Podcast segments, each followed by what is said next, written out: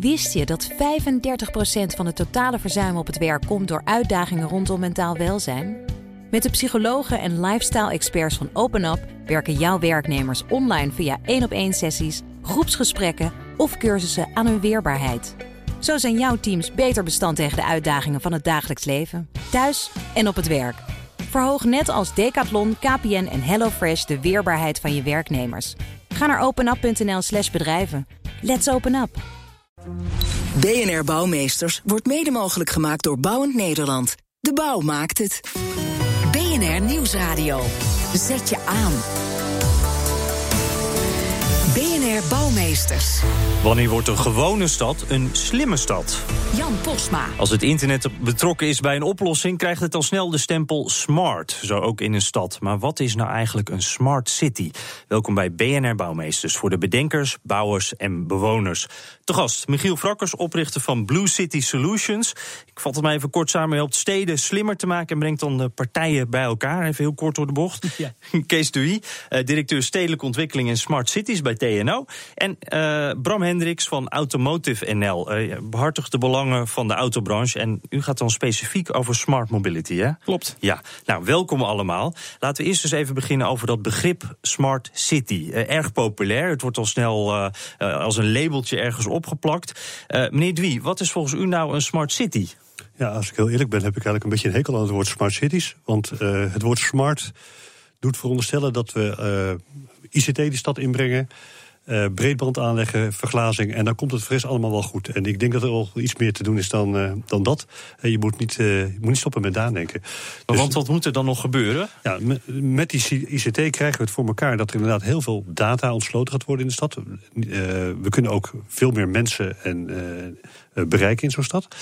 Uh, en over die data, die moet je gaan duiden, dan kun je mee gaan redeneren, dan kun je, die kun je gaan verrijken. En daarmee kun je meerwaarde voor de stad uh, Het gaat er ook om, wat doe je met die data? Die het gaat inderdaad wat je met die data doet. En, uh, ja.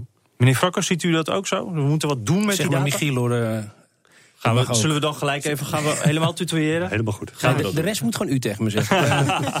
ik heb het zelfs op de site moeten, op onze eigen site moeten opzoeken, op bluecity.solutions. Inderdaad. Wat, de definitie van smart cities is zo lastig dat ik hem op mijn eigen site moest googlen. Dit is trouwens een smart uitzending ook, hè? want je zit het nu op je telefoon te lezen. Ik lees het op mijn telefoon. Ja. Op cyber physical systems or smart systems are co-engineered interacting networks of physical and computational components. Oh god, nou, ik heb het niet net, zelf geschreven. Nee, we kwamen net wat dichterbij. Nu ben ik het weer even kwijt. Hoe zou je dat zelf dan anders nou, Het koppelen van eigenlijk van wel fysiek fysieke infrastructuur met slimme intelligente systemen die vooral digitaal van basis zijn. Dus, ja, uh, dus dat zegt nog steeds helemaal niks, maar een stoplicht alleen al wat op groen gaat als je aankomt lopen, omdat een sensor ziet dat je er staat. Dat zou een praktisch voorbeeld zijn. Ja, inderdaad. Dus toch ook een beetje die computertjes uh, erin Toch wel weer. Ja, uh, en dan meneer Hendricks, of Bram. Bram gaan we nu gewoon zeggen. Ja.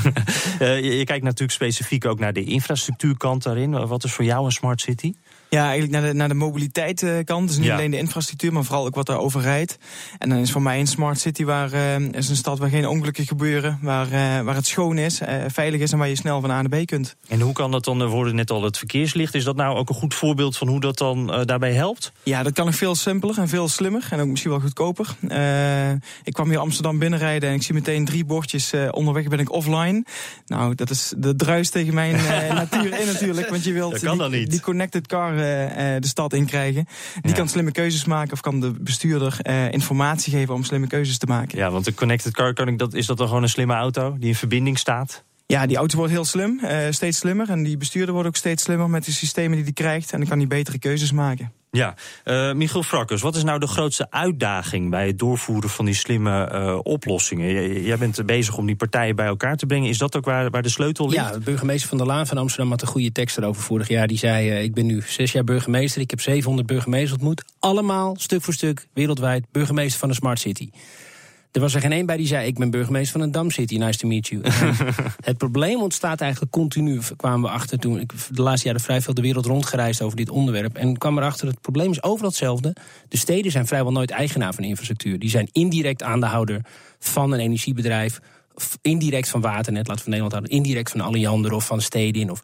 En het probleem is dus als zij iets willen, politiek gezien, wat bestuurlijk wordt besloten, invoeren van elektrisch rijden, laten we even als voorbeeld nemen. Mm -hmm. En dat is in Nederland uiteindelijk goed gegaan, heeft alleen zeven jaar geduurd. Wat moet je dan doen? Je moet bij elkaar brengen de bestuurders die zeggen we willen graag wat parkeerplaatsen ter beschikking stellen. Dan moet je de mensen die laadpalen maken bij elkaar brengen, de automerken bij elkaar brengen en de energieleveranciers aan één tafel. Die moeten samen beslissen dat je een smart kan opladen op dezelfde paal als een Tesla. Ja, dat heb je Mercedes tegen Amerika. Dan krijg je een heel. Je krijgt een politiek, bestuurlijk, economisch. Je krijgt technische problemen, bestuurlijke problemen. Dus op ehm, alle lagen wordt het gewoon heel ingewikkeld. En als bedrijfsmodel ook, want je vervangt benzinemaatschappijen. moet er misschien een nieuwe benzinepomp komen die elektrisch is. Dus je krijgt mhm. bestuurlijk, uh, economisch en op technisch gebied gewoon grote uitdagingen. En daarom is die samenwerking en het, en het coördineren daarvan zo belangrijk. Ik zie je Bram Hendricks knikken. Je bent het ermee eens. Ja, kijk, die samenwerking is natuurlijk het toverwoord. Uh, die steden zijn allemaal uh, jaren, jaren, honderden jaren soms geleden ontwikkeld. We hebben onze eigen problemen daarin uh, gecreëerd voor nu. En die moet je samen zien te doorbreken. Nou, dat, dat kan niemand alleen, de overheid niet, maar een, een bedrijf ook niet. en daar heb je echt samenwerking voor nodig. Dus daar sluit ik me helemaal aan. Ja, en, en Michiel Frakkers, jij, jij zit dus ook veel in het buitenland. Als je nou Nederland even in dat buitenland plaatst, waar staan wij dan? Doen wij het dan goed of lopen we een beetje achter? Of? Dat is echt de meest lastige vraag. Het is een hele goede vraag, gelijk hele moeilijk. Op sommige punten liggen we goed. Vooral met elektrische, elektrische mobiliteit ligt Nederland echt voor in de wereld. En dat model ook van samenwerking hier tussen de netbeheerders die dat samen met de automerken hebben gedaan en gestandardiseerd. Uh, we zijn voor de rest qua echt duurzaam energie produceren natuurlijk heel erg slecht vergeleken met Duitsland en Scandinavië. Het probleem ontstaat vooral dat we veel te lokaal en klein denken. Hier iets met een smurfenland iets coördineren op internationaal gebied is natuurlijk onzin. Je moet tussen Azië, Europa en Amerika, daar worden de standaarden gedefinieerd. Dus het is heel belangrijk dat de Chinese energieleveranciers dezelfde standaard gebruiken als de mhm. Europese, als de Amerikaanse. En daarom zitten wij ook in Washington, Amsterdam en Singapore om proberen die partijen aan één tafel te krijgen. Nou, dat is al lastig genoeg in Nederland en dat intercontinentaal te doen nog steeds. Maar als je het niet doet, krijg je dus verschillende stekkers. Verschillende, uh, net zoals elektriciteit, hebben letterlijk 110, 220. Dat soort stomme dingen die niet nodig zijn. Ja, dan sluit het weer helemaal niet bij elkaar aan. Kees de Wie, uh, vanuit TNO kan ik me voorstellen dat je ook veel contact hebt met het buitenland. Ja, ik denk dat wij het in, op een aantal fronten inderdaad erg goed doen. Uh, dus uh, Michiel geeft al een paar voorbeelden aan. Ik, ik, noem een ander voorbeeld. Voor mij is een smart city ook wel een, stad die verschillende terreinen met elkaar weet te verenigen. Dus milieu en mobiliteit en energie in de gebouwde omgeving. En dat zijn ook vaak terreinen die die op gespannen voet met elkaar staan. Hè. Als je het ene probeert, heeft de ander er wel weer wat last van. Ik, ik denk dat we dat in Nederland op, tot op zekere hoogte al behoorlijk goed hebben gedaan. En, en, de, en de techniek en de tools die we daarbij ontwikkeld hebben, dat zijn ook exportproducten. Hè. Een van de plaatsen waar wij uh, actief zijn is de grootste agglomeratie ter wereld, hè, Shenzhen in uh, Zuid-China. Die maken gewoon gebruik van Nederlandse tools en Nederlandse en, wat, wat, is dan zo'n tool of een voorbeeld wat in China nu gebruikt wordt? Uh, een tool, hè, de, een van de tools die wij hebben, die heet Urban Strategy. Dat, die gaat over de verschillende domeinen van de stad die in één model bij elkaar gebracht worden. En waar je over en mobiliteit en over ruimtelijke ordening en over de energie en de CO2-footprint van die stad tegelijkertijd kan redeneren. Als je een stad aan het ontwerpen bent, een nieuw gebied aan Is dit dan een soort software, een, een programma? Software ja, software tool. Ja. Oké, dus dat, dat is een hulpmiddel om groenere steden te kunnen maken. Je moet nog steeds wel nadenken als je een hulpmiddel gebruikt, maar je kunt dus veel integraler naar zo'n stad kijken, omdat je die stad beter begrijpt en omdat je daar ook real-time data van die stad bij gebruikt. Ja, en is er nou ook een stad in Nederland die uh, er al bovenuit steekt, waar het al, die net wat smarter is dan de rest? Uh, weer zo'n goede vraag, hè? En, en, en ook wel, weer zo moeilijk. Ja. ook wel een beetje moeilijk. Uh, ik ben wel heel benieuwd wat Michiel ervan vindt, maar ik zal er ook een antwoord op geven. Ik denk dat, je, dat dat antwoord is nee, er steekt geen stad uit. Maar er zijn wel een aantal steden die op een aantal aspecten het heel aardig doen. Uh, uh, hier in Amsterdam, uh, op het gebied van circulair, gebeuren er fantastische dingen. op het gebied van de mobiliteit zie ik bijvoorbeeld ook de Brabantse steden. op het gebied van Intelligent Transport Systems en Smart Mobility. Daar kan Bram absoluut wat meer over vertellen. Echt fantastische dingen doen. Dus.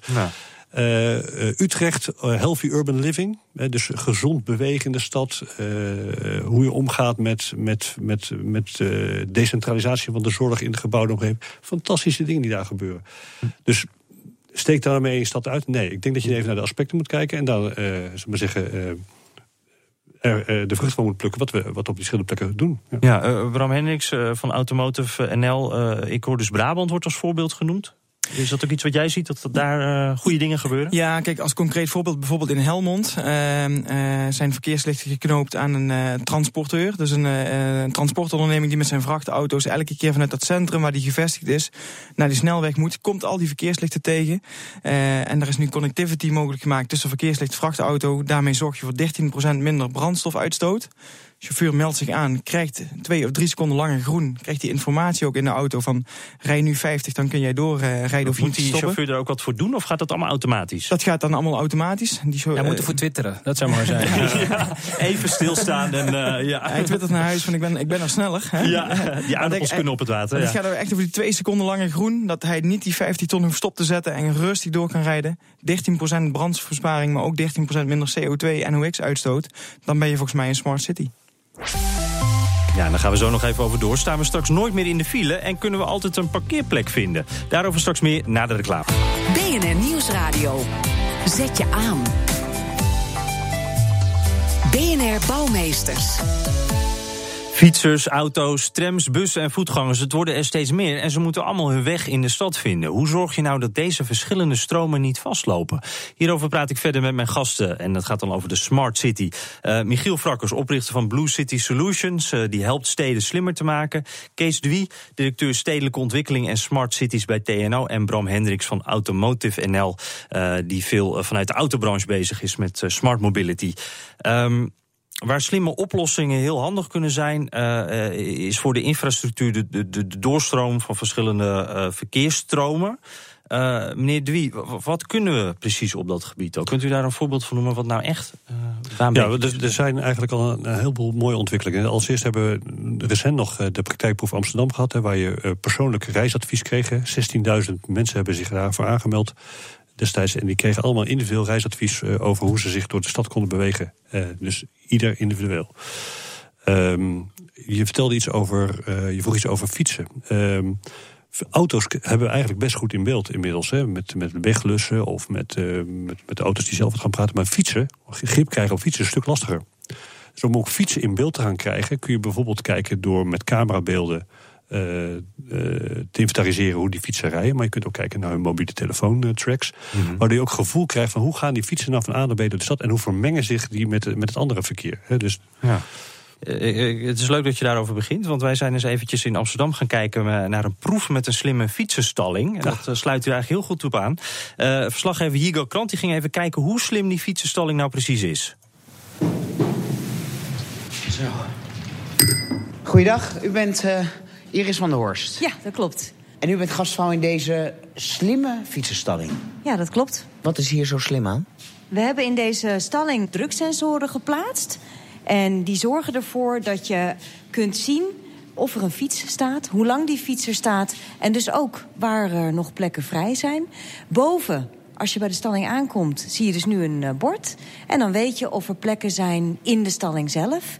En over twee weken zie je hier om de hoek op een display ook nog eens waar dan die vrije plekken zijn.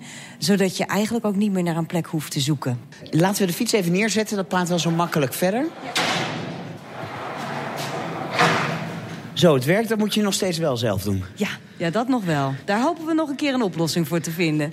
Hier is dus nog een plaatsje vrij. Maar als u buiten goed op het bord had gekeken... dan had ik dat al eerder kunnen zien. Nou, buiten kun je zien of er überhaupt nog plek is in deze stalling.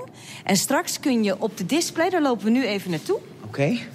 Dan zie je hier een platte grond van de stalling. En op die platte grond kun je dan zien waar die vrije plek zit. Nou is dit een kleine stalling, dus die is overzichtelijk. Dus we hebben niet elke plek gemarkeerd. Maar dat is natuurlijk wel voor de toekomst de bedoeling. Dat je echt in een grote stalling ook kunt zien van... oh, daar is die vrije plek die ik zoek. Als ik hier om me heen kijk, dan zie ik ook heel veel fietsen met een, een geel briefje eraan. Dat zijn waarschijnlijk fietsen die hier al te lang staan en zullen worden verwijderd. Helpt daar het systeem ook tegen? Ja, het systeem is ook bedoeld om te kijken hoe lang staat deze fiets er nou eigenlijk. En uh, kunnen we de eigenaar van die fiets uh, ook vertellen dat hij hier niet langer dan twee weken achtereen moet staan. Want nu gaat het een beetje zo met de losse pols. Nou, het, het, gaat op de kennis van de mensen die hier aanwezig zijn. Ja, op de medewerkers. Ja, en de robot is altijd slimmer dan de mens. Nou, dat weet ik niet. Maar in ieder geval maakt het het voor ons wel makkelijker en betrouwbaarder. Ja. Waar ik dit eigenlijk veel en veel liever zou willen... is in de parkeergarage. Dan sta je te wachten totdat er eindelijk een plekje vrij is. En dan moet je op drie etages gaan zoeken naar dat ene plekje dat is vrijgekomen. Voor auto's? Ja. Ja, daar zou het ook op van toepassing kunnen zijn. Ja. Maar wij doen het nu voor fiets. Oké, okay. maar misschien een ideetje om in de toekomst... Ja, zou zeker een goed idee kunnen zijn, ja. Nou, zomaar een suggestie. Eh, Bram Hendricks van Automotive NL. Ik zou zeggen, dat is niet zo moeilijk, toch? Dit kunnen we gewoon toepassen op uh, ook autoparkeergarages. Ja, wordt ook al gedaan. Uh, wordt al, gebeurd al? Ja, wordt meer geëxperimenteerd. Kijk, de eerste stap is natuurlijk, je komt die stad binnen. En naar welke parkeergarage ga je dan? Wat je nu ziet gebeuren met open parkeerdata... is dat mensen betere informatie krijgen en betere keuzes kunnen maken. Ook individueel betere keuzes. Jij wilt misschien wat verder weg staan en minder betalen. De ander wil wat meer betalen, maar dichtbij staan. Uh, door die data open te gooien zie je dat slimme appbouwers als Innovactory, een van onze partners in haar app Times Up, uh, dat al real-time beschikbaar maken, die data. En zo kun je betere keuzes maken. En de volgende stap is natuurlijk dat je in die parkeergarage dan je plaatje aangewezen krijgt, of zelfs wel dat hij zich automatisch inparkeert. Ja, dan maakt het helemaal uh, makkelijk. Kees Dwie, ik kan me voorstellen dat als wij die, die, dit soort dingen gaan toepassen in de stad, we gaan allemaal wat efficiënter door die stad heen. Dan ook gaat dit ook echt het, het, het, het stadsbeeld, het straatbeeld veranderen? Uh, op termijn denk ik wel, want uh, dus de, de voertuigen, de, de, de, de auto's, die raken niet alleen connected. Uh, maar gaan ook coöperatief uh, straks me, met elkaar rijden. Dat betekent dat je bijvoorbeeld in platoons achter elkaar kunt gaan rijden. Platoons, dat zijn eigenlijk zo treintjes? Ja, of? treintjes. dus de drie, vier voertuigen achter elkaar. Dat is, dat is aantrekkelijk als je dicht uit elkaar rijdt... omdat je dan nou, beter gebruik maakt van het wegoppervlak... maar ook omdat je minder brandstof gebruikt. Uh, een collega die uh, riep laatst al van uh, we gaan ook naar een, een, nieuwe, een nieuwe app toe. Die heet Car Tinder, waar je afspraken kan gaan maken. Uh, om samen zo'n treintje door de stad te, te gaan. Uh, dat is puur wel autorijden, dus we hebben het niet over. Uh... Wie weet, hè? Dus, het kan allemaal. Ja, ja. Dat, dat, is corporatief. op termijn misschien ook nog wel de zelfrijdende auto, de zelfparkerende auto in de, in de, in de parkeerplaatsen. De vraag is of we allemaal nog wel een eigen auto hebben. Of dat op het moment dat jij straks je wil verplaatsen en je loopt je deur uit, dat een auto voortkomt rijden die ergens uit de poel komt. Dus hebben we nog allemaal wel parkeerplaatsen voor onze deur staan. Dus er zijn wel behoorlijk wat vragen die, die straks in de, de ruimtelijke ordening en het gezicht van de stad kunnen gaan, gaan bepalen. Ja, en dan hebben we misschien wel minder parkeerplaatsen nodig. Misschien ook wel minder drukte. Ja, of op andere plekken. Nou, uiteindelijk is dat wel op grotere schaal. Als je kijkt naar China, Amerika, als we Europa gewoon als groot dorp zien. Uh, de grotere steden. Uh, als je gaat kijken, even op langere termijn, is dat de verwachting van de Verenigde Naties is dat in 2050 80% van de mensen op aarde in steden woont. En als we dan een systeem gaan invoeren waarbij parkeergarages slim worden, zodat je makkelijker je auto kan parkeren, is waarschijnlijk dat net niet wat we zouden willen. Wat we zouden willen is een systeem bijvoorbeeld waarbij op basis van het weer, het is vandaag wisselvallig, de OV-bedrijven de prijzen verlagen op het moment dat ze verwachten dat veel mensen de auto gaan pakken omdat het regent. Zodat je op die manier, op een grootschalige manier, kan gaan kijken hoe je verkeersstromen stuurt. Ja, en het gedrag gaan passen. Ja, het gedrag gaan passen, dat kan je doen op basis. Nou, je zou bijvoorbeeld kunnen zeggen, dat is vaker voorgesteld, dat je bijvoorbeeld voor elektrische auto's, als je het milieu wil bevorderen, zegt die mogen harder rijden dan vervuilende dieselauto's. Je kan, op een, als je beleid koppelt aan techniek en infrastructuur, dan kun je op een veel slimmere manier dit soort grootschalige problemen aanpakken. En wat we dan proberen te doen in ons geval is zoeken naar de oplossingen. Die doen wij dan blue, die zijn niet groen, maar die zijn zowel groen, ecologisch verantwoord, als um, economisch verantwoord en sociaal verantwoord. Kijk, in steden als China, je ziet het ook in Singapore gebeuren, is het vrij makkelijk, relatief. Dubai is ook zo'n stad om grootschalige infrastructuur te veranderen, omdat het een andere opvatting van democratie is. Dat is waarschijnlijk niet de manier waarop wij in Nederland een eiland willen gaan aanleggen zoals in nee, Singapore is gebeurd. Het gaat daar iets makkelijker, het gaat zullen we zeggen. Als je dit wil combineren, moet je voorstellen dat soort steden kunnen ze gewoon letterlijk zeggen: het weer is vandaag uh, zodanig, het, is, het regent. De OV-bedrijven moeten de prijs verlagen, anders gaat iedereen in de auto. Nou ja, dat wordt in Nederland met de NS en de OV-bedrijf iets lastiger. En dat soort dingen mhm. zijn wel de oplossingen van de toekomst. Nou hebben we uh, echt wel wat eh, voorbeelden gehoord. Ook allemaal wel leuke, interessante dingen waarvan ik denk, nou laten we die gewoon maar uh, invoeren. Meneer Dwie, ho hoe lang duurt het nog voordat we echt al deze zaken uh, op grote schaal op de weg terug gaan zien? nou, niet zo lang, want voor een deel zijn ze er al. de, het, het, slimme parkeren werd net al even genoemd. Uh, misschien nog niet zo slim dat die auto helemaal zelfstandig naar de parkeerplaats rijdt. Dat duurt misschien nog net even iets langer. Maar met slim licht kan wel die parkeerplaats, die vrije parkeerplaats aangewezen worden. Mm -hmm. uh, corporatief rijden, uh, dat, dus de auto die praat met andere auto's of met de wegkant en dus kruispunten beïnvloedt. Van ik kom eraan of er komt verkeer aan, daardoor gaat dat kruispunt wat eerder op. Dat zijn allemaal techniek van vandaag en morgen. Dus dat is echt op korte termijn gaan we dat echt terugzien. Hoe lang denk je dat duurt? Vijf tot vijf jaar of tien jaar voor je zelfrijdende auto's hebt? Die, eh, eerder? Bram Hendricks, wat- eerder. ja. Wat is dan de sleutel hierin? Eh, mo- moeten die, die eh, wegen sneller slim worden of moeten die auto's sneller slim worden? Nee, de auto's, worden, de, de auto's die zullen sneller slim worden. Eh, op korte termijn heb je daar nog slimmere wegen voor nodig en wegkantsystemen.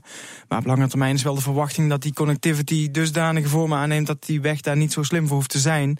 Het gaat over het voertuig wat er, wat er oprijdt. En wat voor voertuig dat dan is, ja, dat is heel moeilijk te voorspellen.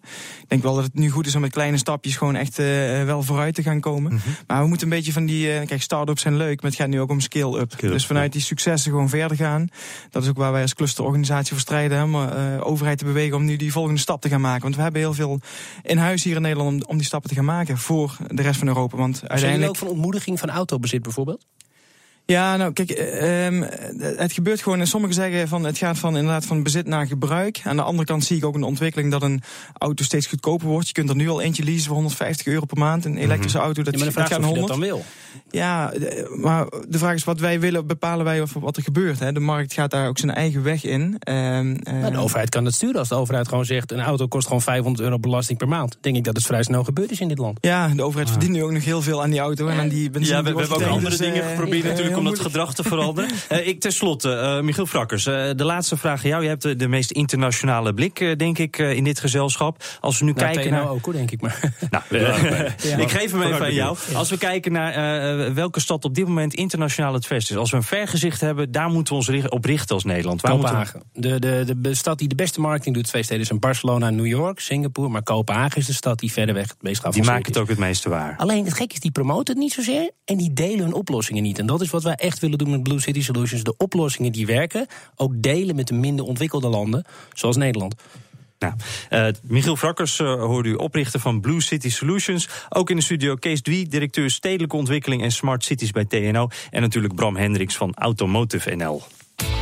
Op de schop.